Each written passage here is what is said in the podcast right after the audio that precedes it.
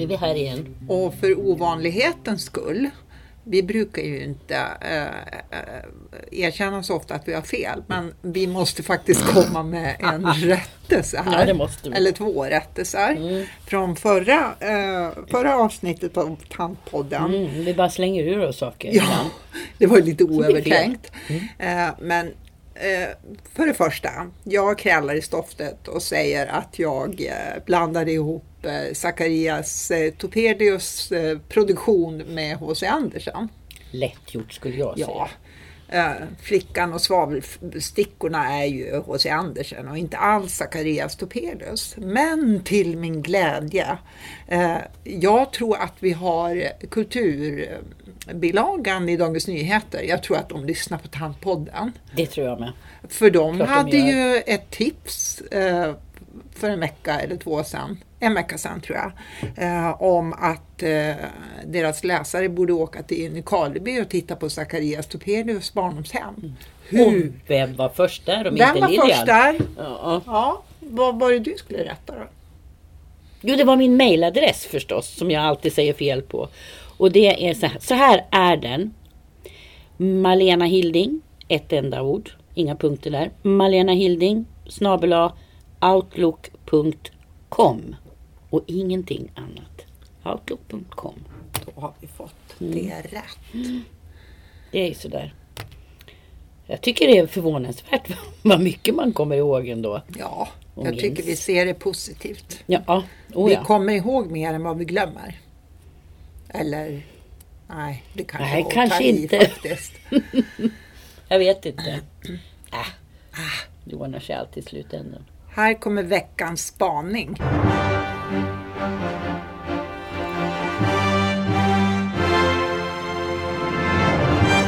Jag har konstaterat att mm, den svenska debatten handlar väldigt mycket om hem just nu. Vad som är hemma. Mhm. Eh, och eh, hur man ska känna sig hemma och om man har rätt att känna sig hemma här. Eh, det är ju en ganska obehaglig debatt kan jag tycka. Ja, du menar hemma, hemma. Så ja, ja men då förstår jag. Jag är med nu. Ja. Mm, hemma i Sverige, hemma. Ja, Mm. får man säga hem om Sverige eh, om man inte är född här? Ja, det Självklart självklara man svaret är ju ja. Ja. Eh, Men eh, det tycker inte alla. Eh, Och eh, det framförs till och med synpunkter på att, eller eh, frågor, lite försåtliga frågor ställs i debatten. Varför åker inte fler hem? Underförstått. Nu har ni ju fått asyl och blivit räddade några år, nu kan ni väl åka hem? Mm. Eh, och då tänker jag, ja hem till vad då? Mm. Och är inte det här hem då? Jo, klart att det är. Detta är ju en väldigt eh, filosofisk fråga, vad som är hem eller inte. Mm. Det för övrigt funderar ju du och jag på väldigt mycket just nu. Mm. Det gör vi. Eh, Här det, bor jag. Mm. Eh, Här bor jag, men det ska vi inte prata om nu kanske. Men kom ihåg vad ni hörde det. Mm, här Först. bor jag. Här bor jag, Håll den rubriken i huvudet. Ja. Om ni kan. om ni kan. Eh, nej, men så är det. Fast det där, är ju, det där är ju faktiskt intressant tänkte jag på. Det, det, det har, har inte vi pratat om det här förut en gång? Jo, det det har vi gjort. Att vara hemma i till exempel i sitt landskap i Mm. Hälsingland. Om man känner sig som en hälsing eller om man känner sig en gäst som en gästrik. Och var man är hemma. Ja, och, och man kanske inte alls känner sig som det, men man känner sig hemma i sitt hem. Ja. Eller om man känner sig hemma av olika anledningar. Vad är det som gör att man känner sig hemma? Mm. Du eh, känner ju att du måste känna dig hemma på ett hotellrum. Ja, Till exempel. Ja, jag måste dina- boa in mig. Jag måste stöka till dig. det. Precis. stöka till det och känna mig hemma. Ja, och jag kan ju känna mig hemma lite överallt. Ja. Mm. Eh, Så att eh, det där är ju ett relativt begrepp och eh, tål att fundera på. Och Mm. det funderar vi ju på så in i vassen så att vi oh, faktiskt, vi kan ju säga det, vi håller på att skriva en hel bok om det. Ja, det gör vi. Faktiskt, Ja. väldigt intressanta Ja, det- eh, synpunkter på vad som är hemma. Ja, nog om detta.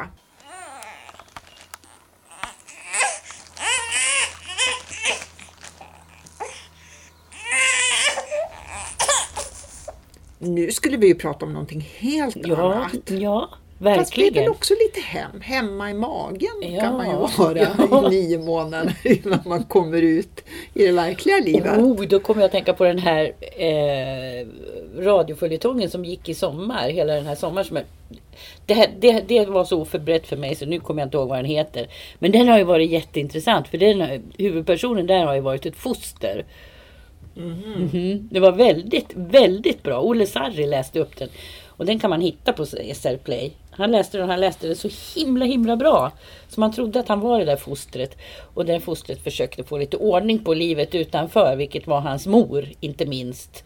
Och eh, hans far och en tredje person. En annan man. Som liksom försökte putta bort pappan. Mm. Och det var till och med, ja det var riktigt ruggigt och riktigt bra. Okej. Mm. Ja just det, så att okej, vi kan prata Okej. om fostren också. Men det, Nej, det vi ska vi ju inte göra. förlossningar. Det, är det vi ska prata Ja. om. Vi ska prata om eh, BB-krisen eh, och förlossningsvården. Eh, med anledning av att eh, igår åkte jag till Stockholm och var med om en boklunch. Det har jag aldrig varit med om förut, men Exklusiv. exklusiv boklunch till och med. Vi var en eh, skara där på ehm, den mycket fina lilla bokhandeln i Gamla stan.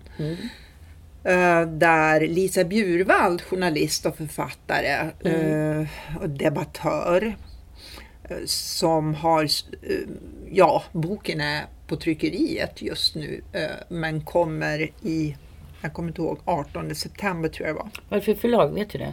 Volante. Ja visst ja, så heter den ju. Vad dum jag är. Eh, Volante. Volante. Eh, boken heter BB-krisen, sveket vid livets början.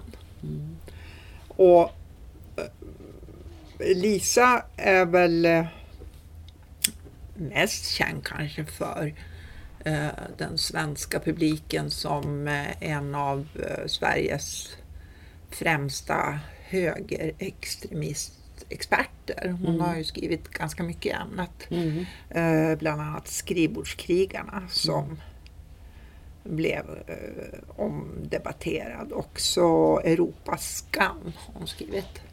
Eh, men nu har hon alltså gett sig in i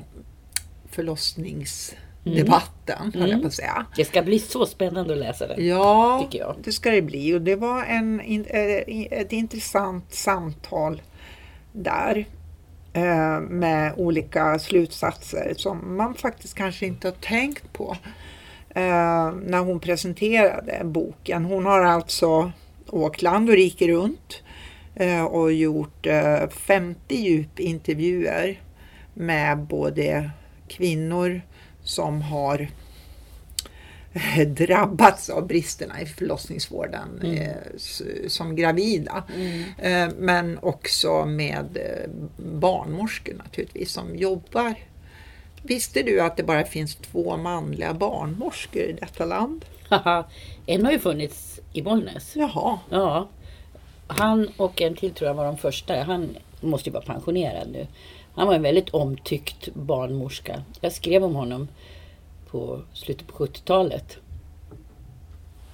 Ja, det är jobbigt där för att jag kommer inte ihåg vad han heter fast jag mycket Nej. väl vet vad han nej. heter. Men det kanske kommer Mm. under programmets gång som vi brukar säga. Men nu finns det bara två. Eh, ja, Mm. de sa det.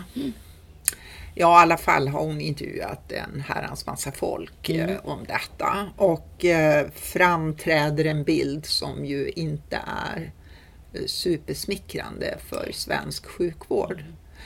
Och då kan man ju fundera på alla har ju läst rubrikerna om hon födde vid vägkanten. Paret nekades förlossningsvård och fick åka runt till en massa sjukhus och sådär. Vi har ju sett de här nyheterna år ut och år in. Vi har följt barnmorskeupproret. Barnmorskorna säger upp sig. De orkar inte eh, jobba i den här otroligt stressiga och struliga miljön. Och då kan man ju undra varför pratas det inte mer om detta? Varför gör man inte någonting åt det helt enkelt? Då undrar jag. Alltså kan det, finnas något, kan det finnas något som är viktigare Ja, jag, än när en människa kommer till världen? ja nej, det är, det är obegripligt. Det är jättekonstigt faktiskt. Ehm, jag, jag tänkte bara på nu när du sa barnmorskorna så tänkte jag på den här tv-serien som har gått. Den här engelska som är så oerhört populär. Barnmorskorna heter ju den just. Barnmorskorna i East End. East End. Ja. Den Det är min brors eh, favoritserie Ja, av någon är- anledning. Ja men den är fantastisk. Ja, den är väldigt puttrig i alla fall. Ja men alla, som alla engelska serier så är den ju otroligt välspelad. Ja, absolut. De har ju hon den här... Ja, det, vi ska inte säga några namn.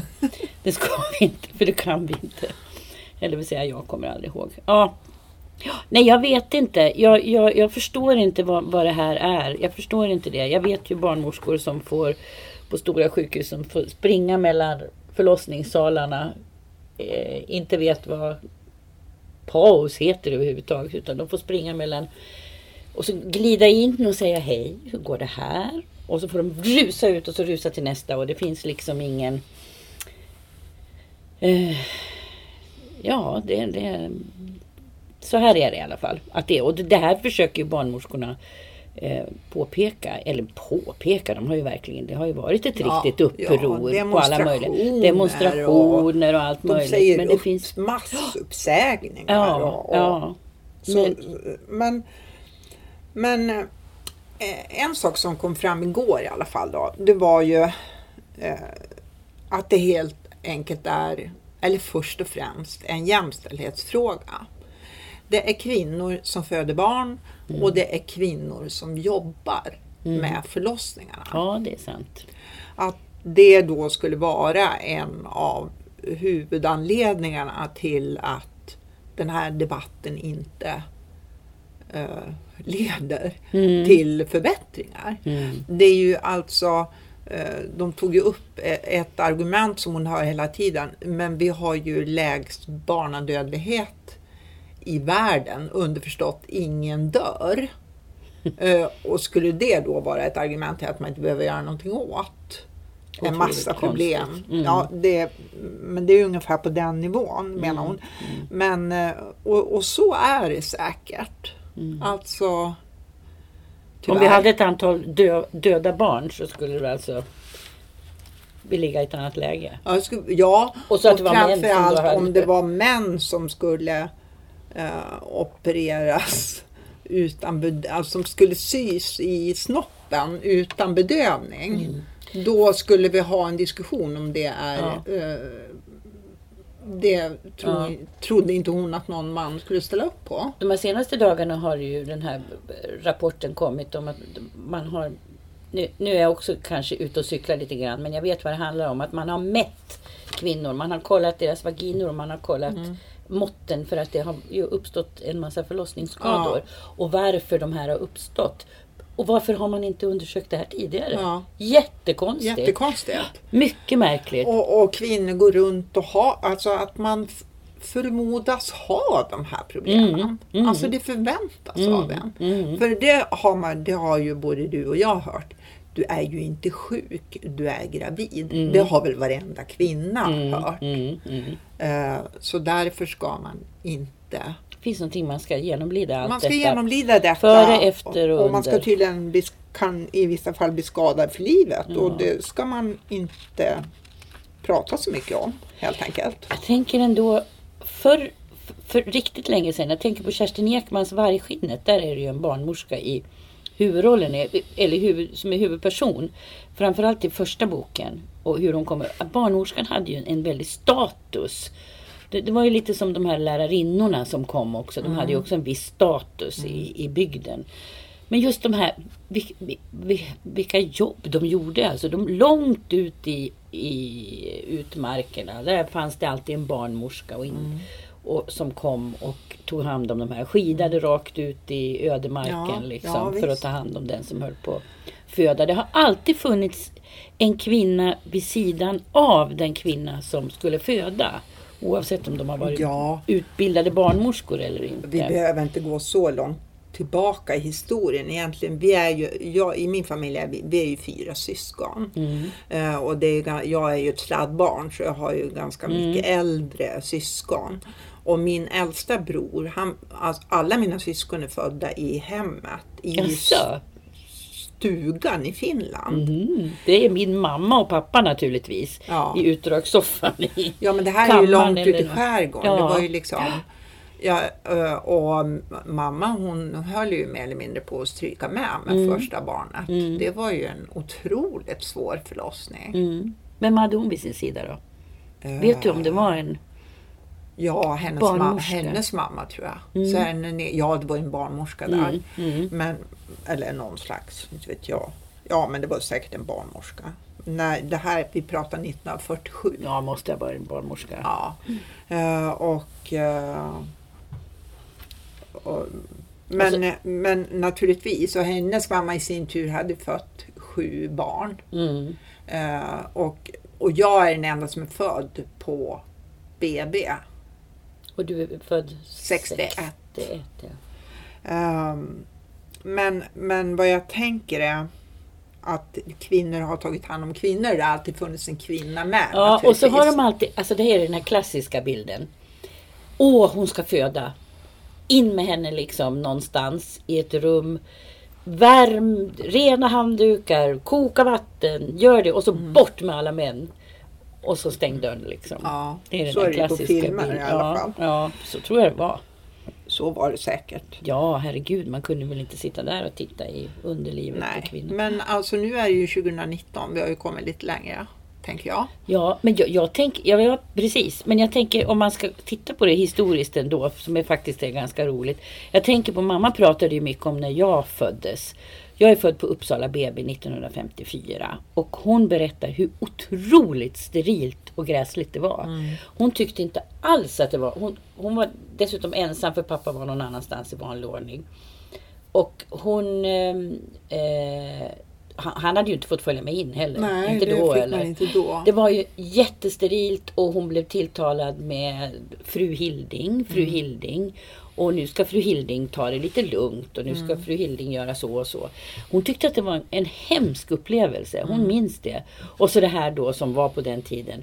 Fem timmar mellan amningarna. Varken mer eller mindre. Mm. Fem timmar.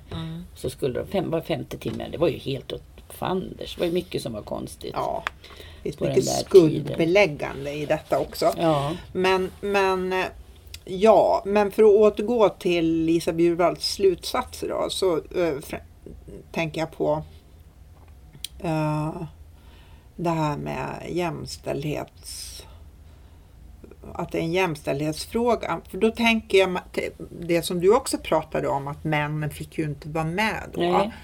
Utan det kom ju på 70-talet Mm. när papp, papporna fick vara med under, började få vara med under 70-talet var revolutionerande Ja. överhuvudtaget. Ja, 70-talet var väldigt bra. Det fanns gott om barnmorskor och det fanns, fantastiska ja.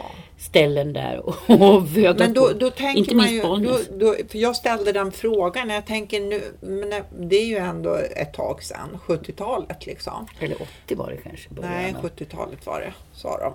Ja. Jo, nej men det var det. Jag Det har syskonbarn som är födda ja. på 70-talet och då fick papporna vara med. ja. Men, men, eh, och då tänker man ju, då borde det ju ha hänt någonting med den här jämställdhetsfrågan tänker jag. För Mm. att papporna har ju överhuvudtaget blivit mycket mer delaktiga och de är pappalediga och de är med vid förlossningen och de är med i barnets tidiga Mm. ålder på ett Mm. helt annat sätt. Eh, och då tänker jag att då de jag menar, de får ju en inblick i hur deras eh, sambo eller fru eller vad det nu är eh, lider. Och Mm. att det på något sätt skulle komma, eh, det brukar ju bli så, när männen ställer krav då blir det ju på ett annat sätt. Ja, ja. Det gäller ju löner och allting. Mm, Liksom. mm, så är det. Eh, Men det har inte skett tydligen. Eh, och sen har hon en annan teori också och det är att eh, en anledning till att det inte debatteras mer eller att det inte eh, åtgärdas är att när vi har fått den där, eh, det där barnet efter många timmars vånda och hur det nu har varit och det kanske har varit förfärligt eh, förfärliga omständigheter och det kanske har skett i ambulansen eller det kanske har skett efter vägen eller ja, det har varit massa jobbiga saker som har hänt på vägen. Så, så blir man som födande kvinna så otroligt glad att det här barnet kommer ut och är oskatt. Mm. Eh, Så att, Vilket är ju i de flesta fall. Flesta fall. Mm. Eh, Och då, då liksom faller smärtan bort och man är bara överlycklig över att det gick bra. Ja, att man lever. Ja, att man lever själv och att och att barnet lever. lever. Ja, att alla är glada. Eh, Och sen gör man kanske inte det där så jädrans många gånger. Vi Nej. föder ju 1,8 barn Mm. eh, i snitt i detta Mm. land. Eh, Så det är som en ett, ett sällsynt vårdtillfälle. Mm. Det är liksom, Mm. Ja, Mm. man släpper det där på något sätt. Man håller inte på och bråkar om det Nej, efteråt. men däremot så kan man ju, om man då sitter ett, ett, framförallt ett gäng kvinnor, är det ju då. Om man sitter ett gäng kvinnor och så börjar någon ta upp sin förlossning. Mm. Då kan man ju dels vara beredd på att man får höra ett antal skräckförlossningar. Ja. Och så får man höra, alltså alla kan berätta om sin förlossning på Mm. något sätt. På ett eller annat sätt. Ja. Så den är ju en oerhört Men- central del i ens liv. Ja, naturligtvis. Mm. Man glömmer aldrig. Men rådet är ju också, du ska ju inte berätta om dina skräckförlossningar till en höggravid kvinna. Nej, hon kan bli jätterädd. Ja, men kanske, kanske ska man göra det. Man kan i alla fall inte ångra sig.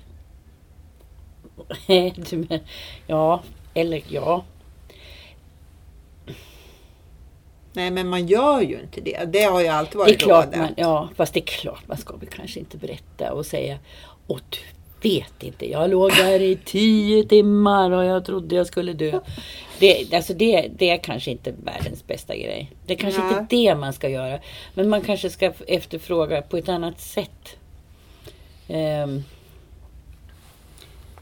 kontakten med, med, med barnmorskan redan på ett väldigt tidigt stadium. Sånt här funkar ju. En barnmorska som man kan följa med. Och nu säger jag det här bara för att jag har ju fått många tips om, om den här eh, Föda med stöd Märta Kullhed Engblom i Uppsala. Som är helt fantastisk. Som har eh, arbetat just på det. Att man, man, man, en barnmorska som följer en, en en, den gravida kvinnan och, och hennes man eller om det bara är den gravida kvinnan. Ända från början till slut. Som får följa på Mm. ett helt annat sätt. Barnmorska hela vägen. Barnmorska det, hela vägen. Ja. Det är vissa sjukhus som har infört det. Ja, hon är privat den här kvinnan. Ja, Mm. men för det är ju såklart lite konstigt att man i nio månader går hos en barnmorska och kollar Mm. ultraljud och hjärtslag och, Mm. och råd på hur man Mm. ska, vad man ska äta Mm. och inte röka och allt det där. Eh, eh, och sen plötsligt när, när det är dags då ramlar det in en, en massa personal som man aldrig har sett förut. Mm. Men så var det ju förr. Det var ju faktiskt bättre på det sättet. Ja men så är det fortfarande. Det här är ju bara några sjukhus som, som Ja men jag menar det. Det var ju Ja. så det var förr. Att man, kunde, man hade den där Ja, du menar så. barnmorskekontakten. Så. menar Ja. ja. Jo, det är väl ett råd då. Men vad ska vi säga om att eh, några skräckexempel, eller hon har säkert flera. Jag har ju som sagt inte läst boken, men jag läste första kapitlet, låg med i en eh, mapp här. återkomma sen och berätta om boken. Ja, men i alla fall, då är det intervju med en kvinna. Eh, ja, det var ju rena rama skräckhistorien som, eh, som ska ta sig från Kiruna där man då har eh, lagt ner BB till Gällivare. Hur långt är det mellan Kiruna Ja, och ja, Gällivare? det tror jag? är en jädrans 10-20 mil, någonting sånt där. Eh, och eh, det är ju sådana här historier där mannen sitter och kör i 150-160 kilometer i timmen och så Mm. har man telefonkontakt med, något sjukhus som ger olika råd och ska skicka en ambulans som aldrig dyker upp någon Mm, gång och till mm. slut så får man stanna bilen. Och, Mm. Och den här stackars mannen som inte har en aning om, eller partnern, vad det nu är, Mm. eh, inte har en aning om hur man förlöser en kvinna eh, ska då i snögloppet plocka Mm. fram en bebis. Mm. Mm. Det är ju helt, det är ju helt bisarra berättelser. Mm. Det är det verkligen. Jag fattar inte hur vi kan godta detta. Ta Edsbyn till exempel här i Hälsingland. Hur långt har de till alla? Det är ju 10 mil ner till Gävle. Måste ju vara, och det är väl 9 upp till Hudik. Från Bollnäs. Vad är det till Falun? Åker de till Falun fortfarande? Det gjorde de ju ett tag. Det och det är inga bara roliga vägar eller? Nej, det är inte alls. Och det är klart en vacker sommardag är det väl inga problem. Men att åka med en... Åka på, som du säger, i snöglopp och is och elände och snöstorm mitt i vintern är inte roligt. Mm. Det, var så, det, var så, det är så sorgligt att tänka på det fina BB som fanns i Bollnäs när nya sjukhuset byggdes där på, i början på 80-talet. Eller var det mitten på 80-talet måste det ha varit. Det var ett fantastiskt fint BB. Mycket, de låg långt fram. Faktiskt. För jag födde ju båda mina barn på gamla BB. Och det var också fint och det var också bra. Men det här var ju liksom nytt. Det fanns mycket nytänk i det hela. Mm. Mm. Men då la man ner det för att man la ner alltihopa. Ja, man la ner alltihopa. Mm. I Sollefteå är väl det mest, eh, mest uppmärksammade. Ja, oh ja. Där man ockuperade. Och, Men det gör man fortfarande. Ja, De sitter ju fortfarande ja de sitter fortfarande. Mm. Och det, det la man ner och gjorde en besparing på 15 miljoner. Mm. Det är ju kaffepengar i en regions Mm. budget. Mm. Eh, det är en otrolig okunskap hos de som fattar de här besluten. Vilket ju är väldigt konstigt. Ja, är Kunskapen finns ju runt omkring Mm. alla människor. Mm. Varför är det på det sättet? Jag tänker också att det är ju en regionalpolitisk fråga som man ju verkligen borde ta och fundera på. Eh, För om jag vore i barnafödande ålder och hade tänkt mig att jag skulle bli någon form av gröna vågar höll jag på att säga, eller flytta ut till på landet, Mm. eh, vilket inte alls är läget, men om så nog 17 skulle jag ta reda på hur, hur det ser ut med Mm. förlossningsvården och närheten till BB och, och den formen av service. Skulle man inte göra det? Ja, Jag skulle gladeligen säga att det skulle man ju göra, skulle jag ju göra. Men det skulle nog inte jag eftersom jag är en annan person. Utan jag skulle nog upptäcka det för sent. I så fall. Men, Ja. men eh, det gör ju så är det ju. Så är det ju. Då stod jag där med skägget i brevlådan. I brevlådan. Ja. Mm. ja, Ja, vad ska vi säga mer? jag vet inte faktiskt. Vill du berätta om dina förlossningar? Nej, Nej. Jag på att säga. Det vill jag Det inte. vill man inte. Eller vad ska jag berätta om den? Det var väl som alla andras förlossningar. Um, varken lång eller kort. Eller... Det jag minns mest, jag- jag minns egentligen inte själva förlossningen. Jag minns bara att, att ehm, det var varmt när min dotter föddes 1979 eftersom hon är född i augusti. Det var väldigt varmt, väldigt vackert. Och så minns jag min sons som var 1982 och det var i januari och det var smällkallt ute och lika vackert väder. Och så när man, i Bollnäs så, så var det ju längst upp under takåsarna där på förlossningen. Man såg ut över hela Bollnäs när man gick där och väntade på att det skulle komma igång. Ja. Och, så, och vad jag minns är också att man ju låg en hel vecka på den tiden. Oj. Ja, en hel vecka fick man ligga. Och eh, det var jätteroligt på själva salen eftersom man låg då, ja hur många var vi? Kan vi ha varit åtta? Eller sex personer var vi. Sex kvinnor som låg där. Jag tyckte det var, det var... Och sen så var det ju då den när, när barnläkaren skulle komma naturligtvis och inspektera barnen och sådär. Och då var det ju, då var ju alla, då var ju hela eh, BB-avdelningen så här. Åh, ni måste skynda er! Ni måste ställa upp er, ni måste gå och tvätta er, ni måste vara på, i tid för nu kommer doktorn, nu kommer doktorn. Och det var ju den enda manliga man såg på hela... Då var det liksom då var det väldigt, då var det uppställning och då skulle barnen vara redo och allting skulle vara redo när han kom liksom. Och jag kommer så väl ihåg det. Så var det. Och det var det båda gångerna och det var ju faktiskt 79 och 82 som sagt.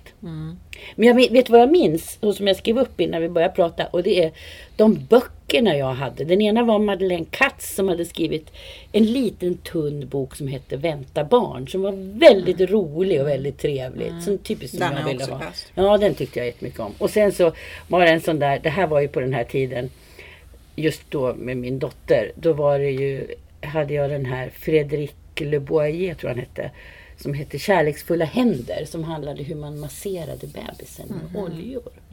Så är det någonting hon är så är det masserad med oljor. Det här var ju på den tiden när man också skulle, när det var jätte, egentligen så tyckte de att man skulle, amma skulle man ju naturligtvis. Och sen skulle man ju då göra sin egen bebismat. Precis. Och det där tror jag har kommit tillbaka nu Du, faktiskt. jag tänkte på det här med Tills jag trender. struntade i allt. Det är väldigt mycket trender i, Ja. i eh, förlossningsfrågan, Mm. Ja. höll jag på att säga. Eh, amning är ju en. Mm. Ska man amma eller ska man inte amma? Mm. Hur ofta ska man amma? Hur länge ska man amma? Mm. Eh, när jag födde barn 94 så rådde ju rena amningshysterin. De, då, det var ju... Det, man, man fick vvara kvar tills amningen kom igång. Mm. Men sen skulle man ut. Nu hörde jag igår att eh, det, snitttiden är åtta timmar eller Mm. något sånt där. De ska ju hem fort som bara den. Mm. Eh, för det finns ingen plats. Nej, Det är ju det det handlar om. det var ju redan lyxen att ligga där. Varje morgon så rullades bebisarna in och så fick man mjölk och skorpor. Mm. Och sen fick man amma. Ja, Eh, nej amningen det var ju uh, det viktiga. Vi hade ett amningsrum till och med Oj! på BB i. Gävle. Jaha. Ja. Vilken...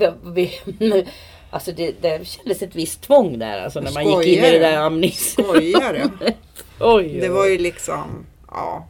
Och det skulle vara en så fin stund. Tyckte inte alls att det var någon fin stund. Ja. Nej, men förstår jag. Eh, och jag var jätteglad när min son upptäckte potatis.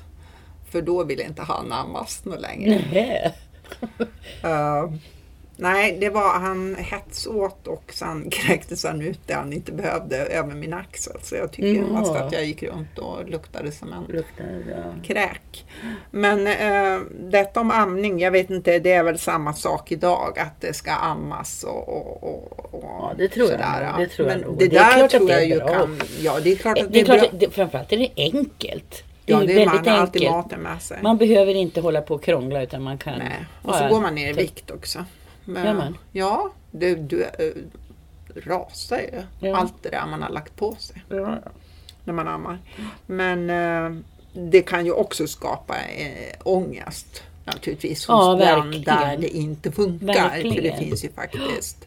Speciellt när det finns en massa välmenande människor runt omkring en som talar om att man ska, man bör. Försök du, försök du, försök igen liksom. Det går nog ska du När se. jag hade fått barn då var det så, alltså Jonas var ju så otroligt hungrig. Så att han skrek ju och, eftersom jag inte fick igång amningen på stubinen. ja, ja, och, och till slut sa jag, men ni måste ju ge honom någonting. Nej. Han skulle inte ha någonting Nej. förrän amningen kom igång. Nej. Så det var ju tur att han var stor när han kom. Ja, de brukar ju inte låta en barnen svälta ihjäl. Så. Nej, men det var ju också lite halvneurotiskt tyckte jag. Mm. Inte fick man ha napp och inte fick man Jaha. ja. mycket sånt där. Ja, Ja. men så då, då är nog mina barn födda, då är de födda tidigare och därför, och då fick man nog både ha napp och man fick trycka in vad som helst i dem, höll jag på att säga. ja, nu gjorde jag det ändå. Men Mm. Om man är, är lite ängslig så kan det ju Och när man inte kan Ja, och inte men vet. om man är lite ängslig Ja. framförallt i det jag menar. Och all, Man alla är ju ingen väl expert heller. Nej, alla är ju ovana. Nej. Nej, jag tycker... eh, det var ju faktiskt en av de största insatserna, vill jag hävda, som jag har gjort som ledarskribent här i Hälsingland. Det var ju när de fick för sig att de skulle ta bort lustgasen från Ja, BB det. för att det var en sån enorm miljöförstöring. Ja, den kommer jag ihåg. Ja, Lustgasen ja. som man greppade efter. Ja, precis. Men eh, det, det fick de eh, lägga ner. Ja. Ja. Hur som helst. Ja, Mm. Ja, jag vet inte faktiskt. Ja, ja, jag- jag känner ju mig lite så här. Egentligen så är det ju så här att personligen så har man ju passerat det här. ja fast du har ju... Fast samtidigt så har man ju barn och barnbarn. barnbarn och ja, Ja. Och så har du ju en dotter som är barnmorska. barnmorska. Ja. Mm. Ja, och det, alltså vi måste ju vi måste ju tänka så här. Vi ska ju strida för nästkommande generationer. Mm. Och här har det ju faktiskt spårat ur helt Mm, enkelt. Det. Eh, politikerna tar inte sitt ansvar när det gäller förlossningsvården i Sverige. Eh, och det tycker jag är rent eh, oanständigt faktiskt. Mm. Ja, jag förstår det inte. Jag förstår det inte faktiskt. Ehm, ja, vad ska man göra mer än demonstrera, skrika och, och skriva böcker som hon har gjort? Jag tänker Det också... kommer naturligtvis bli väldigt uppmärksammat det här, tror jag, den här boken. Ja, man kan ju hoppas det. Jo, men det blir ju det ofta när hon Man skriver. kan ju hoppas ju det. Men, men eh, jag kan också känna att man gapa och skrika, ja, eh, det är ju också en kunskap eh, om de här som är utbildade barnmorskor. Jag tror också att man ser på det som ett kall. Eh, Fortfarande? Ja, Mm. det tror jag. Eh, Och så blir man så förvånad att de inte vill jobba som barnmorskor Mm. längre och gör någonting helt annat. Ja, det är väl inget bra när hela den kunskapsbanken eh, ägnar sig åt någonting annat. Nej, nej. Än, för jag, jag, jag inbillar mig att om man nu har valt att bli barnmorska så gör man ju det för att man verkligen vill jobba med det från början. Mm, mm. Det Och måste det ju är vara ett ett fantastiskt yrke. jobb. Det är ja. verkligen ett fantastiskt yrke men det är ju... Då måste man ju låta dem få utöva det yrket också. Man måste ju lita på deras yrkeskunskap framför allt. Ja. Vilket man ju uppenbarligen inte gör. Nej. Nej, det vore bra om de också kunde få betalt Ja, det vore också bra ja. eh, och anständiga arbetsförhållanden. Mm, mm. Ja. Nu kommer listan. Nu ska vi lista lite Tips! eh, tips. Tips från tanter. Tanttips. Tandtipsen Till, till... er som funderar på att bli gravida som Lilian sa. Det tycker jag var jätteroligt. Men så är det väl kanske. Man går och funderar på att bli gravid. Inte jag. ja, verkligen. Känns väldigt långt dit. Ja. Eh, men har du något råd som du kanske hade velat ha men aldrig fick? Ja, vad det här var svårt nu. Eller grundat på din egen erfarenhet då kan man säga. Ja, om man säger att, att grundat på min egen e- erfarenhet är... Nej, alltså jag kan inte... Kan inte du börja? Jo, jag kan jag inte kan komma börja. på någonting. Om Jag kan kommer- börja. Jag ja. har bara, jag har ju gett, jag har gett ett råd till alla i, i yngre kvinnor i min omgivning som ska till, Mm. inte att fundera på att bli gravida, men som ska inom en snar framtid in i förlossningsvården. Så har jag sagt så här. Ta allt du får. Det vill säga all hjälp, all bedövning, all, allt som de överhuvudtaget möjligtvis kan erbjuda och kräva att få det. Var inte stoisk. Eh, Håll inte på och tänk att det ska vara så jädrans naturligt och du ska Nej. inte ta någonting och du Nej, ska verkligen inte. genomlida detta. Eh, Och detta bygger jag på verklig egen erfarenhet. Mm. ta allt du får. Mm. Ja, precis. Absolut. Och då tänker jag så här också. Lyssna på dig själv. Lyssna på dig själv. Du ska klart du ska lyssna på, på alla de här tanterna som kommer runt och alla farbröderna. Men framförallt tanter som kommer runt och säger. Men hur känner du själv? Känner du att nej men jag klarar inte det här. Jag vill göra det och det. Jag vill göra det på det här sättet. Gör så då. För att det är ju du som föder barn. Det är ju du som ska föda barn. Inte, inte någon annan runt omkring dig. Utan det är du som ska föda barn. Så det är väl ungefär samma sak egentligen. Samma råd. Tycker jag. Ja, Nej, det här går inte med amningen. Ja, men skit i det då. ja det finns tillägg. Ja, precis. Eller jag vill inget amma. Ja, men försök då. Ja. Och, och det finns det också hjälp att få, så att säga. Det, Amma hur länge som helst. ja, håll på och var som helst. Ja, För det hör man ju talas om. Hur kan det vara ett bakslag? Att folk inte ska få sitta och amma? Nej, jag kan men fatta att inte det. heller. folk, det är något fel Ja. på folk som inte står ut och ser en ammande kvinna. Jag fattar Ja, ja. ingenting. Nej, fattar inte. Eh, nej, nej, men det håller jag med dig om. Mm. Och, och eh, det rådet ska man verkligen ta till sig. Och sen de här som ska vara så himla naturliga. Det var ju verkligen trend då när jag skulle få barn. Ja. Och det var, man skulle hänga i ett träd Ja. i trädgården hemma och Ja. bara ploppa ur sig. Ja, man skulle, det fanns alla möjliga Ja. Och sen skulle man äta upp sin moderkaka efteråt. Åh gud vad vidrigt. Eh. Man fick steka det. Nej men, det, Sluta. jag, ja, men det var så. Det var så. Jag har till och med hört ett program om det. Ja, Att de, att de, att det kommer tillbaka med att man, man kan gräva ner den vid ett träd om man vill vara naturlig. jaha. Mm. Ja, eller så kan man ju låta dem ta hand om det där på förlossningen. Eh, det där med att hålla på och föda hemma. Ja, men gör det om någon tycker det är så Ja, himla men, det, skoj. men se till att det finns hjälp då. Och det finns då att få. Ja. Det finns verkligen bra barnmorskor som står Men till tjänst. nu är det ju så här att vi, har, vi kan ställa kravet på en fungerande förlossningsvård och vi har neonatal eh, vård på alla eh, riktiga sjukhus. Eh, och man vet faktiskt inte. Man Nej. kan inte veta. Man vet inte förrän man föder om någonting går snett. Nej.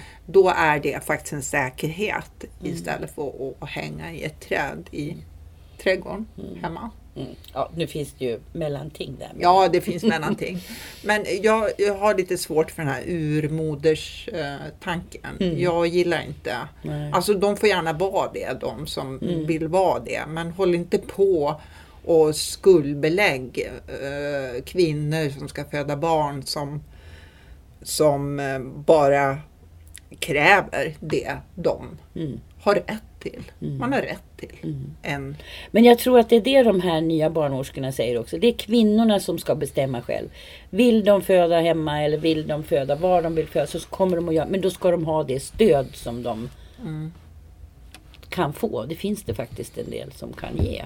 Men Du har ju ingen neonatalavdelning i hemmet? Nej, men det här blir en annan diskussion. Ja, okej. Men Vi ska inte ta den. Nej. Vi ska inte ta den. Nej. Men eh, precis som all annan vård. Ja, jag håller med dig. Jag håller med dig. Ja. Mm. Så. Och sen är det ju trevligt med bebisar. Det är det ju. Tycker jag. Ja. Det är mysigt med bebisar. Och, och, och ja, det är mysigt med bebisar. Det är det verkligen. ja, det är ju inget sånt råd att man inte ska Nej, barn. nej, nej, nej, nej. Men det är så, jag bara tänkte det på slutet här. Om det nu lät hemskt med förlossningar och allting sådär så är det ju faktiskt väldigt trevligt med bebisarna kommer. Ja. Vad sa hon mer förresten? Sa hon någonting mer? Jo, Hon sa massor. Ja, Men, men det spar vi till en annan gång. det sparar vi till en annan gång. Ja, det gör vi.